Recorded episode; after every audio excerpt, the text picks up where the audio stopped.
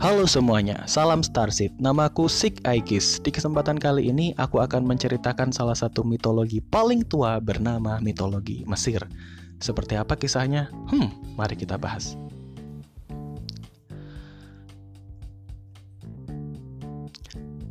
Tersebutlah satu dewa bernama Shu, yaitu dewa udara, dan Tefnut, dewi hujan atau kelembapan memiliki dua orang anak Geb, yaitu dewa bumi, dengan segala kelimpahan dan kesuburannya, dan Nut, dewi langit, yang berkilauan di langit, memberikan secerca harapan kecil namun penting bagi mimpi manusia. Tapi tanpa harapan, kelemahan manusia akan terungkap. Itulah awal penciptaan oleh Ra, sang dewa matahari. Kemudian dari generasi selanjutnya, lahirlah anak-anak dari Geb dan Nut, yaitu Nephthys, Set, Isis, dan Osiris. Dan dari keempat dewa inilah semua kisah dimulai. Isis merupakan seorang dewi yang bijaksana. Dia sangat indah dalam segala hal. Manusia sangat menyukainya karena sang dewi selalu mendengarkan kekhawatiran, harapan, dan impian orang-orang tanpa pandang bulu. Mendengar semua jeritan orang-orang yang tersiksa, bahkan juga yang menyiksa. Dengan begitu, dia memahami manusia dengan pikiran dan jalan keluar untuk menyelesaikan masalah atau memenuhi impian mereka. Dia mengharapkan kekuatan dan kesehatan untuk setiap manusia juga kehidupan yang lebih baik. Dewi Isis mengenakan sabuk dengan sebuah simbol yang bernama Chat dan membawa Ankh atau sebuah kunci kecil berupa salib dengan lingkaran di atasnya. Chat dan Ankh adalah simbol kehidupan. Di tangannya yang lain, dia selalu membawa tongkat kayu yang ia gunakan saat berjalan dengan suaminya Osiris. Osiris senang berjalan di padang rumput, dan dia senang berkeliaran di antara hewan, apalagi hewan yang selalu dipelihara manusia, terutama domba-domba. Untuk itu, dia menggunakan tanduk domba jantan sebagai mahkota di kepalanya. Saking cintanya kepada hewan-hewan, Osiris termasuk dewa yang sangat baik hati. Dia memberikan kesehatan kepada domba-domba dan kesuburan tanah, mengajarkan manusia untuk membaca dan peraturan untuk dipatuhi. Osiris juga menjadi raja seluruh Mesir karena kemurahan dan kebaikan hatinya, sehingga tidak mungkin kalau dia tidak mencintai istrinya karena dia murah hati. Dia selalu memuja sang istri dan sudah ditakdirkan satu sama lain. Namun takdir berkata lain. Dua saudaranya yang lain, yaitu Dewi Nephthys, tidak memilih Set untuk menjadi suaminya, dan itu terjadi dengan sendirinya. Pernikahan yang tidak didasari cinta. Dan Set juga tidak mencintainya, bahkan dia tidak bisa menatap sang istri. Justru dia memandang saudaranya, yaitu Isis, menatap saudaranya Isis dan Osiris saling pandang satu sama lain, menguping pembicaraan mereka yang penuh cinta kasih, Set melihat bagaimana mereka berubah saat mereka saling mendekat. Kemudian muncullah rasa iri yang hebat dari dalam dirinya. Kadangkala saudara tidak perlu alasan untuk dengki kepada saudara lainnya. Namun Set tetap yakin kalau dia akan tetap membenci Osiris apa pun alasannya.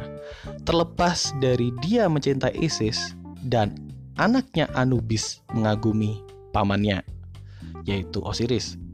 Jadi Anubis ini adalah anaknya Set.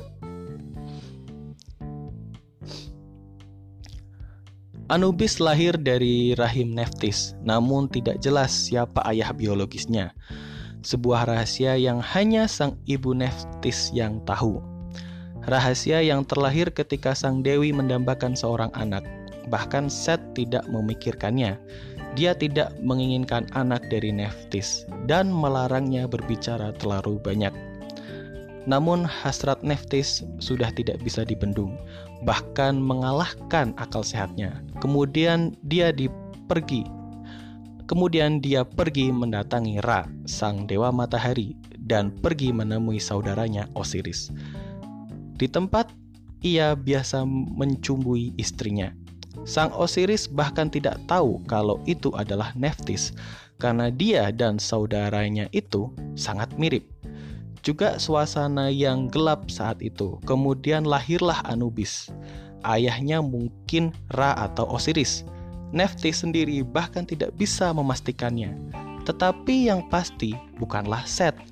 Dan untuk mengelabuinya, Neftis membuat Set mabuk dan membuatnya berbaring bersamanya. Kecerdikannya sudah membodohi semua orang. Sebagian hidupnya, Neftis digunakan untuk mencintai anaknya Anubis. Dia sedih karena tidak dicintai suaminya. Tapi sang dewi menemukan kenyamanan dan kedamaian dalam mencintai dan dicintai putranya sendiri. Neftis membesarkan Anubis secara rahasia dan itu sangat berpengaruh. Dia merasa leluasa di malam hari sebab kegelapan menyelimuti dirinya dan ia bisa mengelus dan memeluk anaknya, sehingga ia belajar melihat dalam kegelapan. Ia juga mengunjungi tempat berbahaya yang jarang dikunjungi oleh siapa pun. Sang Dewi belajar menghirup udara dari panas yang gersang dan menyemburkan api dari mulutnya. Dia menjadi sangat tangguh, bahkan manusia sering meminta bantuannya untuk membakar semua musuh-musuhnya. Neftis dihubungkan dengan kekuatan dan menjadi pelindung Mesir. Dia mengajarkan manusia proses persalinan dan melahirkan serta manusia percaya kalau dia adalah dewi penyembuh. Berbeda dengan suaminya Set yang melihat Anubis dengan rasa curiga. Set bahkan tidak suka melihat Osiris yang terus-terusan memuji Anubis dia melihat kemiripan antara keduanya saat Anubis memutuskan untuk meninggalkan rumah, pergi ke dunia bawah dan bekerja di sana. Set sangat senang dan sangat tidak mengharapkan anak seperti Anubis. Sang dewa pendengki selalu memikirkan cara untuk menyingkirkan Osiris. Rasa iri terhadap saudaranya ini sudah semakin membesar. Isi perut Set bagaikan badai awan yang berputar disertai petir dan angin kencang. Pada keadaan inilah dia bersumpah kepada dirinya untuk menghancurkan Osiris. Suatu hari, Set mengadakan penjamuan. Di saat itu, ia mencoba mengambil hati Isis dengan memberikan kalung bunga teratai, karena ia tahu mungkin kalung ini akan menimbulkan rasa cinta sang dewi kepada dirinya. Dia juga menyediakan makanan dan bir dalam jumlah banyak. Di saat semua orang terkulai kekenyangan, dia membuka sebuah kain penutup dan memperlihatkan sebuah peti yang indah peti yang dibuatnya untuk menjebak Osiris. Dengan ukiran dan perpaduan warna yang disukai Isis membuat Osiris tidak menaruh curiga. Dan Set mengatakan kalau dia akan menghadiahkan peti ini bagi siapa saja yang pas di dalam peti ini. Setiap tamu berbaring dan bergilir di dalam peti tersebut, tapi mereka terlalu pendek, terlalu tinggi, terlalu gemuk, ataupun terlalu kurus. Sebaliknya, ada satu orang yang pas, dia adalah Osiris. Dan tentu saja karena ini sudah diatur oleh Set. Saat semua orang sudah kelelahan karena kekenyangan, Set mengambil ukiran tubuh Osiris dan membuat peti itu sedemikian rupa. Begitu Osiris terbaring di dalamnya, Set dan para pengikutnya segera menutup peti tersebut dan menyegelnya dengan kuat. Sang dewa pendengki kemudian mengangkat peti itu dan melemparkannya sekuat tenaga ke dalam sungai Nil yang sedang berarus besar. Dan untuk pertama kalinya setelah sekian lama, ia merasa kemenangan yang telah menyingkirkan Osiris. Momok terbesar dalam hidupnya dan bisa menjadi apa yang selama ini ia idamkan. Ini adalah kekejaman yang dilampiaskan oleh rasa iri yang tak tertahankan. Namun, kebaikan memiliki cara tersendiri untuk membalas, dan kisah ini masih belum berakhir.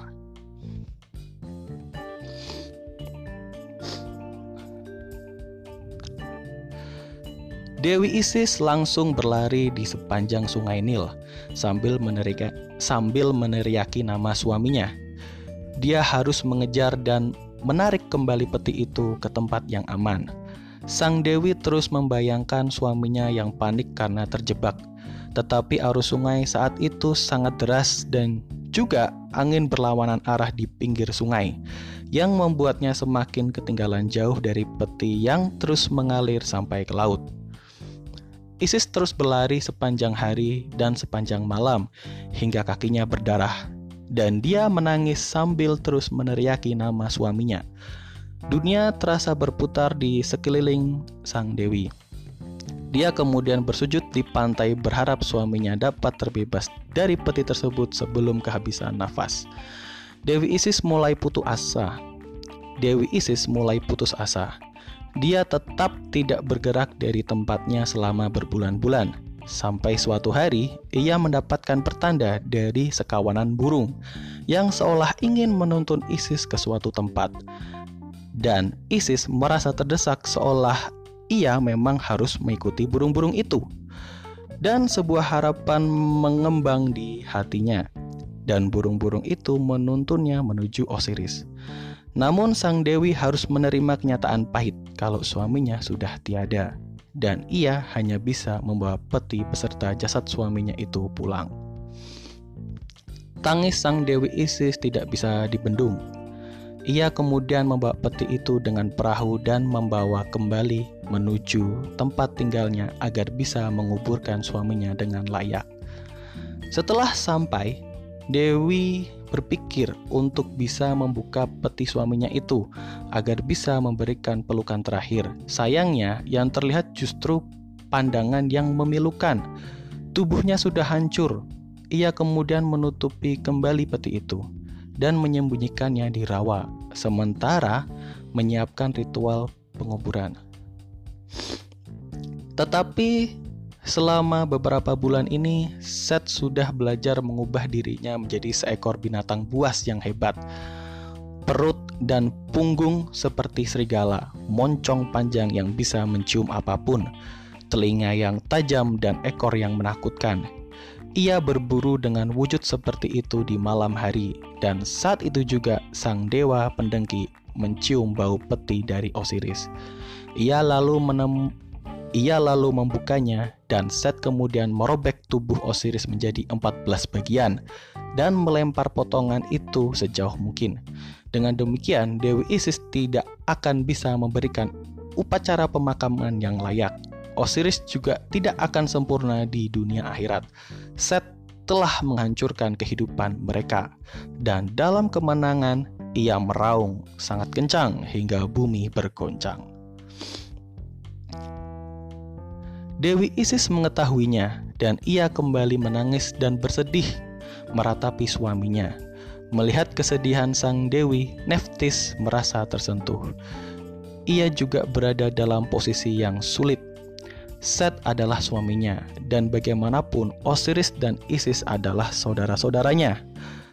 Namun, ia memilih membantu Isis untuk mengumpulkan bagian-bagian tubuh Osiris. Mereka mengamati burung pemangsa, mereka mengikuti petunjuk, berlari dari satu tempat yang menakutkan ke tempat yang lainnya.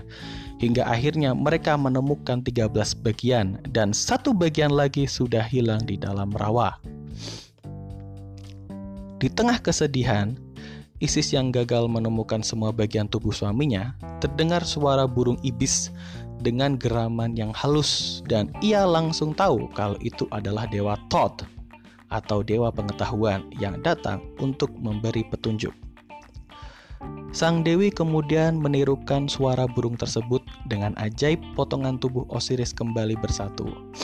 Isis kemudian membentuk bagian yang hilang dengan lilin dan tanah liat. Kemudian ia mencium sang suami untuk mengembalikan ke alam sadar. Isis menatap suaminya dengan tatapan kosong, tetapi ia terus menciuminya dan itu adalah awal pertemuannya kembali, namun juga menjadi akhir dari pertemuannya. Saat keesokan harinya, Isis terbangun dan meraih suaminya, tetapi sayang, Osiris telah hilang.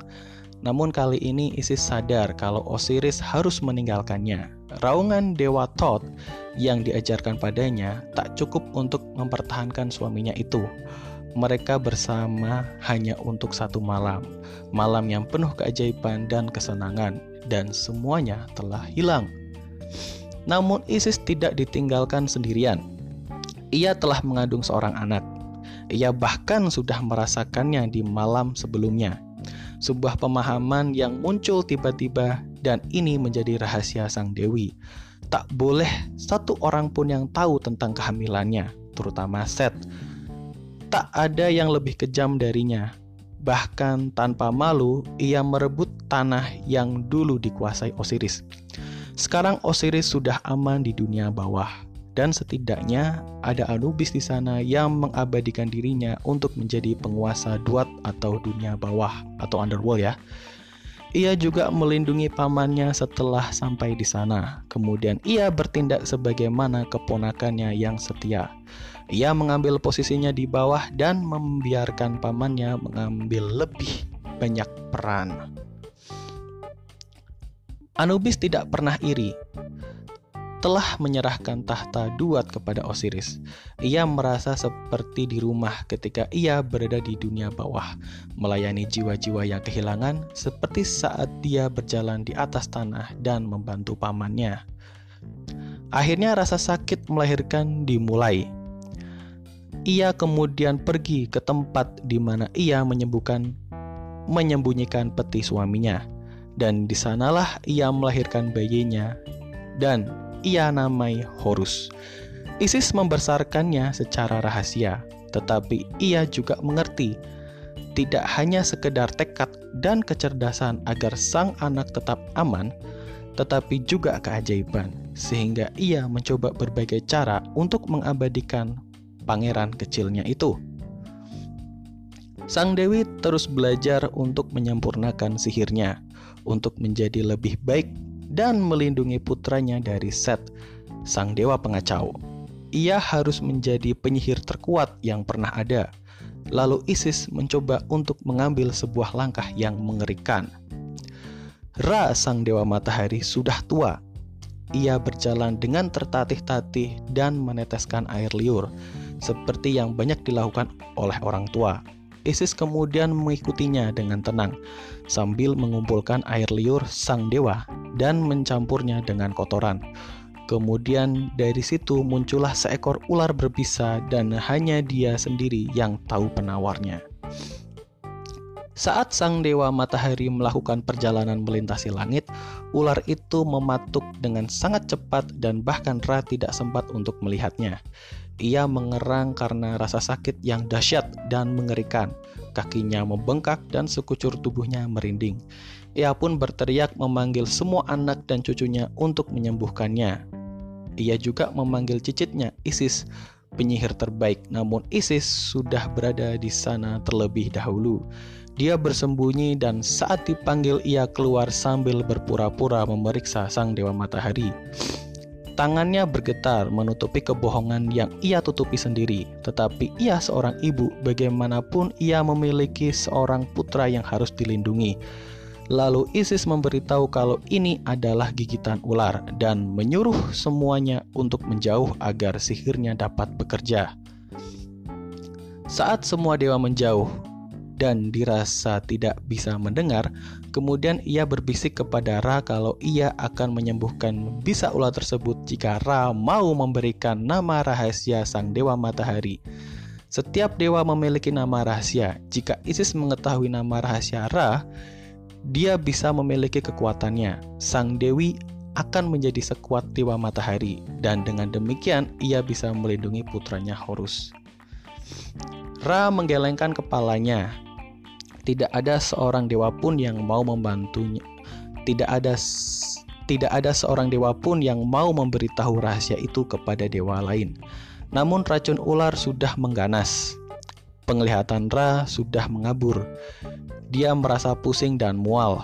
Dengan sisa tenaga, Ra berusaha mengucapkan kata per kata saat pertama menciptakan dunia. Tapi itu bukanlah sebuah nama, Isis kemudian tak tahan melihat kondisi sang dewa. Matanya menjadi kabur. Pria itu adalah kakek buyutnya dan dia sedang membiarkannya membusuk. Namun juga Isis harus bertahan demi sang buah hati. Ra kemudian membisikkan nama rahasia tersebut kepada Isis dengan apa yang menjadi nafas terakhirnya itu. Kemudian Isis berhasil menyembuhkannya dalam waktu yang tepat. Dan sejak saat itu, Ra hanya memerintah di langit dan Isis memerintah di bumi dan tentu saja suaminya Osiris memerintah di bawah. Semua mengira ini adalah rencana hebat Isis untuk mendapatkan kekuasaan tertinggi, tetapi mereka tidak tahu kalau tujuannya adalah untuk melindungi putranya. Sampai akhirnya putranya dewasa nanti, baru Isis akan memberitahukan kepada semua dewa bahwa putranya akan kembali mengambil kekuasaan ayahnya dulu, dan dari sinilah perjuangan Horus dimulai. Sekian. Cerita yang cukup kompleks, kan, tapi intinya sama seperti mitologi Yunani di mana ada proses perlebutan kekuasaan, ada proses ketakutan yang akhirnya mendasari tindakan untuk mengalahkan dewa lainnya. Yang menarik adalah banyak orang berpendapat atau banyak pakar mitologi Mesir berpendapat bahwa mitologi Mesir adalah salah satu dari sekian mitologi yang paling tua mitologi lainnya adalah Sumeria. Nomor satu Sumeria, kedua mitologi Mesir. Mungkin kalian yang akrab dengan film God of Egypt, kalian akan mengetahui ending dari kisah mitologi ini di mana di God of Egypt diceritakan akhirnya Horus berhasil mengalahkan Set dan memang seperti itu sejarahnya. Di film God of Egypt ini ceritanya benar-benar sesuai dengan apa yang mitologi ceritakan. Berbeda dengan film Thor yang ada sedikit perbedaan dengan mitologi aslinya. Tapi untuk kasus Thor ini aku bisa memaklumi karena perbedaan ini adalah sifatnya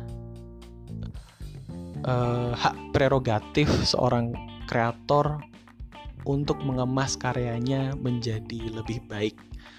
Karena bagaimanapun juga ya namanya referensi tidak bisa 100% persis gitu.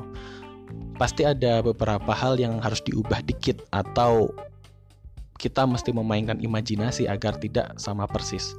Dan itu hal yang lumrah sebenarnya. Dan mitologi Mesir ini adalah salah satu mitologi favoritku karena aku memiliki rasa sentimental sendiri untuk mitologi Mesir ini. Oke, sekian pembahasan mitologi Mesir ini. Terima kasih sudah mendengarkan. Sampai jumpa di podcast-podcastku selanjutnya. Bye bye.